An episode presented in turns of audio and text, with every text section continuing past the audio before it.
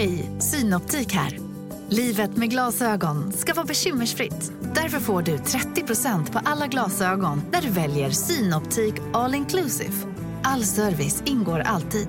Välkommen till Synoptik. Upptäck det vackra ljudet av McCrispy Company för endast 89 kronor. En riktigt krispig upplevelse. För ett ännu godare McDonalds. Medlem hos Circle K är livet längs vägen extra bra. Just nu får du som ansluter dig 50 öre rabatt per liter på de tre första tankningarna och halva priset på en valfri biltvätt. Och ju mer du tankar, desto bättre rabatter får du. Välkommen till Circle K.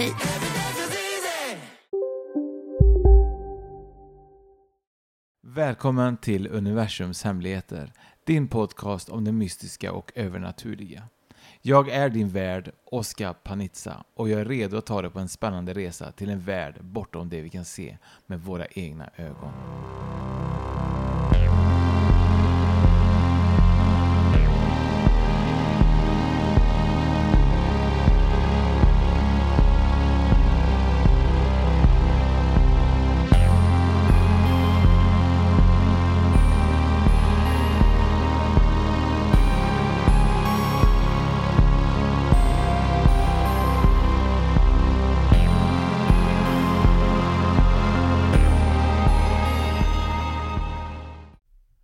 Välkomna till ännu ett avsnitt av Universums hemligheter och eh, för er som lyssnar och känner igen min röst kommer jag säga att han, låter annorlunda idag. Ja, jag har varit sjuk och jag började året som jag absolut inte vill börja. Jag började med att vara sjuk i många, många dagar och man brukar ju säga att man vill börja året så bra som möjligt så att hela året blir bra för en. Så jag hoppas att 2024 har ändå en bra fortsättning även om jag var signingades i flera, flera dagar. Men idag ska vi prata om någonting som jag faktiskt inte hade hört talas om, som jag tycker är väldigt, väldigt, väldigt intressant. Eh, och det är faktiskt någonting som heter en grupp människor som kallas för Benandanti, som gäller översatt till de goda vandrarna. Det hela började med en barnbrytande banbrytande studie av historikern Carlo Ginzburg Hans bok Benadanti eller The Night Battles på engelska publicerades faktiskt 1966. Ginsburg baserar sin forskning på förhör från den romerska inkvisitionen och eh, det blev ett resultat av eh, tro och praxis från den tiden. Benandanti, som ordagrant är som sagt översatt till goda vandrare, var en grupp som påstås ge sig ut i hemliga färder under vissa torsdagsnätter. Enligt de här förhören så lämnade deras själar deras sovande kroppar och de antog formen av smådjur som möss eller kaniner eller fjärilar. Dessa själar färdas sedan till landsbygdens fält eller upp till himlens moln där det stred mot ondskans representanter och de kallades för Malandanti eller då de onda vandrare. Malandanti använde fänkålsstänger i strid medan Malandanti använde durakäppar. Och de här Malandanti sägs varit, ha varit häxor eller onda, andra onda makter. Resultaten av dessa strider var jätteavgörande för bysamhällets välfärd och om de onda vandrarna inte besegrades så hotas folket av svält. Det finns en intressant twist i den här berättelsen och det är kvinnliga Benandanti deltog inte i striderna. Istället möttes de i festligheter och ceremonier där de fick förutsägelser om vilka bybor som snart skulle avlida. Dessutom ansågs Benadante att de hade en extraordinär förmåga att läka skador och sjukdomar. Så det var lite grann att de här kvinnliga då Benadante var som healers då. Men eh, varför de skulle egentligen då veta vilka som skulle avlida innan kanske var på något sätt för att påverka byborna om det var så att de inte trodde på dem.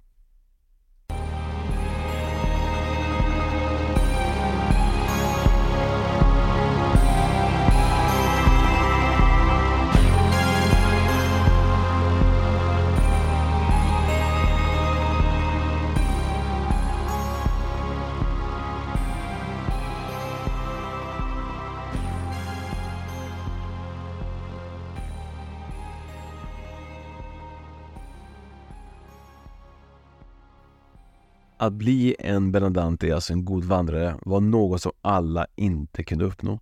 Enligt tron var det att magin var medfödd och manifesterade sig genom att personen hade en sån här fosterhinna på huvudet vid födseln och de kallades det för segerhuva. Carlos Ginsburgs teorier kring de här Benandanti har faktiskt öppnat ganska mycket liksom teorier och kopplingar till shamanismen och att de hade så här fruktighetsbasriter inom liksom jordbruket. Och eh, det här är inte någonting som bara pågick under 1500 och 1600-talet i Friuli i Italien då. Eh, det även, finns ju även andra traditioner kring de här jordbruksriter och liknande historier om jordbruket i andra länder också. Och det går hela vägen norrut till Baltikum faktiskt. Så att eh, det är väl någonting som man kanske använde och trodde på att man skulle strida mot onda makter eller häxor eller annat just för att man skulle få ett bra jordbruk. Men eh, inkvisitionen då, de hade en helt annan syn på saken. Så de ägnade sig väldigt mycket tid för att förhöra de här Benadanti för att de tyckte att de kanske var farliga och höll på med förbjuden verksamhet. Så att, eh, och du vet, man fick ju inte hålla på det här med, med häxat, häxsabbater och så vidare och de tyckte väl då att eftersom de stred mot häxorna och så vidare att de hade väl kanske någon koppling till honom. Så en man som heter Fra Feliz de Montefalco som var inkvisitor som ledde en undersökning på 1500-talet mot Pablo Gasparato och hans krets av Benadanti. Han drog slutsatsen att deras nattliga möten var något som måste bekämpas. Under det följande århundradet utsattes de goda vandrarna för återkomma utredningar, rättegångar och eh, även att de eh, var efter dem under de här häxprocesserna som skakades andra delar av Europa. Vanligtvis så kom de undan med lite böter eller korta fängelsestraff och eh, ibland så frikändes de helt och hållet för att myndigheten tvivlade på deras trovärdighet om deras anklagelser för att de tyckte att det var så himla konstigt. Ja. Så trots det kontroversiella påstående och inkvisitionens insisterande på farlighet tycks bland annat ha överlevt med mildare konsekvenser. Det är ju faktiskt en ganska intressant historia det här med eh, Benandanti och det finns tyvärr inte så mycket dokumenterat om det. Men det finns en bok som heter Benandanti som går att beställa hem faktiskt. Men eh, ingenting jag har gjort, men jag har faktiskt bara letat upp informationen för jag tyckte det var lite intressant när jag kom och snubblade över det och tänkte att jag skulle öppna upp lite eh, historia kring det här som då kallas Astral Projection som man kallar för även sömnparalys då. Och eh, det finns väldigt, väldigt mycket historier om det här med sömnparalys och eh, jag har ju haft väldigt mycket sömnparalys faktiskt genom tiden från att jag var kanske 23, 24 och minns inte tills jag var kanske 28, 30. Eh, men jag ska faktiskt berätta lite grann om det. Men innan vi, jag berättar min historia om det så ska jag faktiskt berätta eh, om en man som eh, har egentligen inte eh, något riktigt namn. Eller han har ju ett namn men han är ju fortfarande en anonym person som på sig har haft en väldigt extraordinär astral projection upplevelse som, eh, som man kan lämna kroppen. Vissa säger sömnparalys för många säger att det händer i sömnen men man kan faktiskt träna upp det så man kan lämna kroppen i ett tillstånd när man går ner i varv. Och den här personen har ju då gjort detta i sånt tillstånd där han har tränat upp det tydligen. Så ni ska få höra här.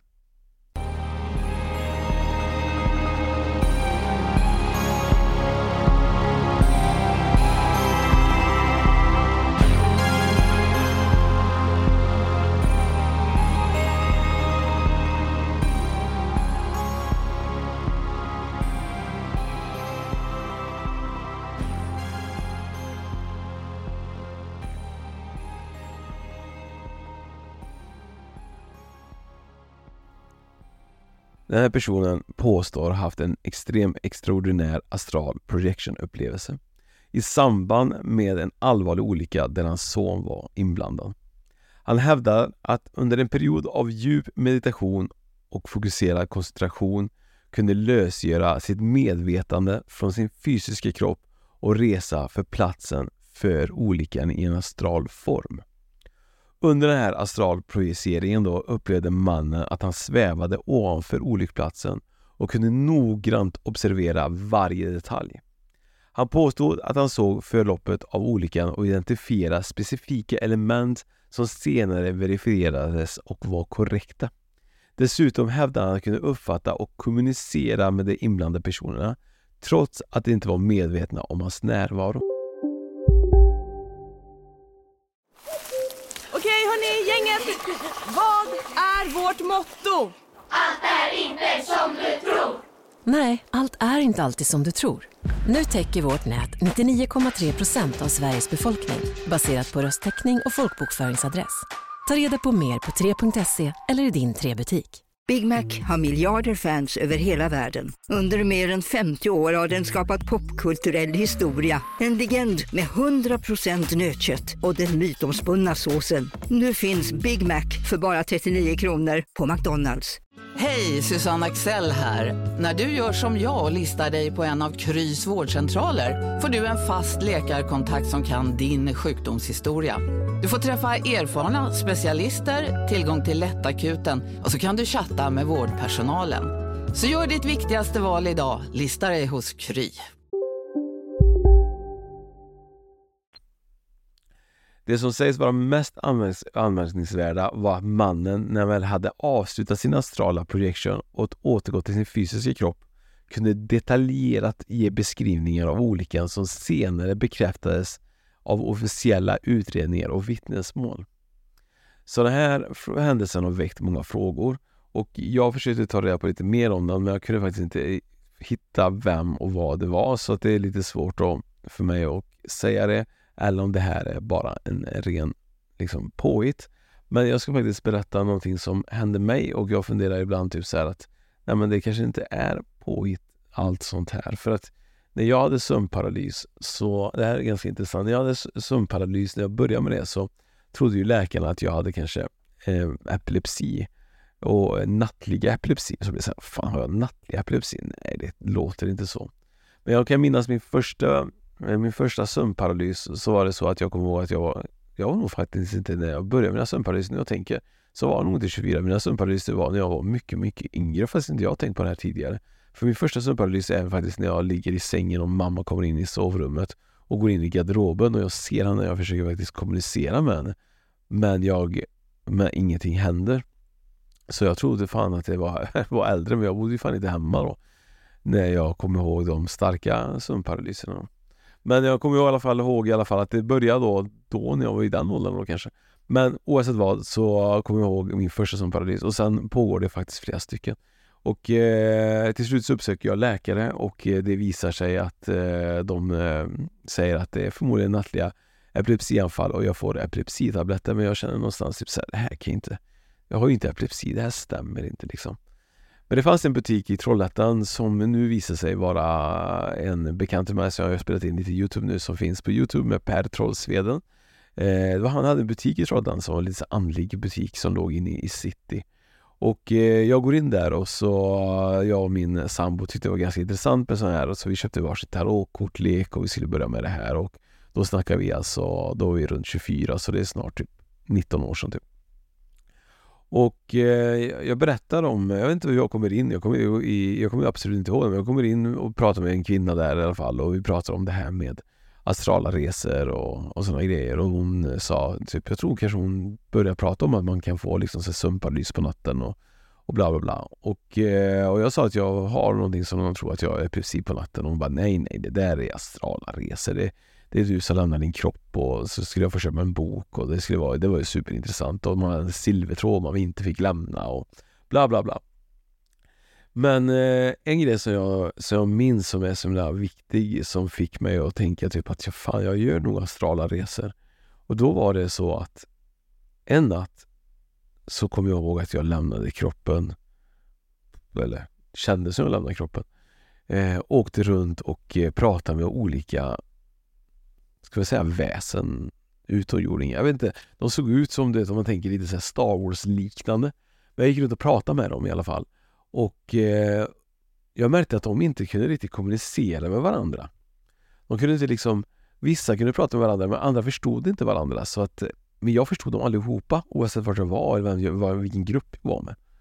Så jag frågade en av de här väsen eller vad man ska kalla dem eh, hur kommer det sig att jag förstår er allihopa? alltså? Och då sa en till mig att det är för att du är flodisk. Och jag vaknade nästan direkt efter det. Och eh, i den här sömnparalysen och då är det ju det här att man man kämpar oftast när man inte kan komma ur för kroppen vaknar ju liksom långt efter ens medvetande. Och det är det som är så obehagligt för man känner sig paralyserad och man tar jätte i med kroppen och det är nästan så här jätteobehaglig känsla. Men jag vaknade ur det här tillståndet och eh, på den tiden så fanns det då eh, mobiltelefoner och Google så det måste ju varit runt, runt 2009, 2010 kanske. Ja, eh, detta hände mig. Och eh, jag slår upp ordet flodisk och jag får en träff på hela Google. Och det här är så jävla konstigt för att det är en svensk baserad bok som jag har försökt, eller i, näthistoria. Jag vet inte riktigt vad det var. Jag har försökt hitta den efterhand faktiskt. Och eh, det här är så intressant för det här Flodis då, det blir en träff på internet om en man som har skrivit en historia som är ganska likvärdig Sagan om ringen. Om en plats som det Mordor och alla de här och det finns olika eh, Eh, personligheter och det finns olika dvärgar och det finns olika, ja, allting som det är på Sagan om ringen. Men det som är mest fascinerande är att det finns en person. Han är flodisk. Han har den här förmågan att vara flodisk. Och vad betyder det här flodiska? Jo, det var det här som var så läskigt. Att flodisk var att du var personen som kunde prata alla de, alltså deras rikes språk. Så han kunde kommunicera med alvar, han kunde kommunicera med dvärgar. Och då tänkte jag, vad fan är det? Hur är det här ens möjligt? Att jag får en träff på Google. Ordet han säger till mig i min sömn är just flodisk. Och just då, på något sätt då, visar sig vara att han kunde kommunicera med allting. Men nu ska jag säga någonting som är väldigt intressant. Att inte så länge sedan så sökte jag efter ordet flodisk. Och det betyder faktiskt också, nu när det har kommit ännu mer information på Google, så finns det något som heter förflodiskt. Alltså flodiskt, och det betyder före den flodiska tiden. Och det är innan the young Adrians. Och då börjar jag tänka typ så här, för du är flodisk. Och den flod, stora floden som kom, som sägs ha startat om civilisationen och innan det så var det ju liksom avancerad civilisation som vi inte vet, som vi har glömt bort om man säger så. Och jag då är flodisk, det betyder alltså före den floden som var. Och då är det så här, har min själ då, har jag levt tiden före, den flo, före floden? Alltså över för innan pyramider, allting där man pratar om Munanaki, alla de här. Har jag då kanske haft en tidigare själ som kommer före the pre-flood som var över 12 800 år sedan. Ja, den är jävligt intressant och det finns en civilisation som om man går in och kollar på som heter det, jag tror det heter The Privilegium och sånt där på Google. Eh, som är eh, jävligt intressant faktiskt. Men eh, ja, det är jävligt spännande vad man kan vara med om när man drömmer och frågan är, kan man lämna sin kropp när man drömmer och göra olika resor? Ja, jag tror faktiskt det. Så att eh, jag tror faktiskt att det är väldigt viktigt för, av någon anledning för oss att gå och sova. Utan sömn så dör vi och eh, utan drömmar så dör vi också egentligen. Väldigt viktigt för hjärnan att drömma. Och eh, frågan är om våra drömmar är ibland en spegling av eh, att vi passerar över till andra dimensioner eller vad kan det vara? Jag tror ju någonstans att vi lämnar kroppen och behöver liksom utveckla oss ibland och eh, jag tror att vi kanske alla gör det utan vi vet om det. Men eh, vi tar oss nog ut i världen i, i vår, med våra själar och eh, in i en annan dimension, vem vet? Men eh, tack för det här avsnittet och eh, tack för att ni lyssnar. Jag hoppas att eh, det här lilla korta om Benandante och lite annat har varit ändå intressant att få ett litet inblick om att det finns verkligen saker där ute som jag ibland inte hört talas om och jag hoppas att ni inte har eh, hört talas om det innan heller och om ni har det så är det bara kul om ni skriver eh, till mig på Oskar och Fredrik att ni vet lite mer information om det. Så missa inte mina andra poddar, Oskar och Fredrik och Gateway med Hasse och Charlotte.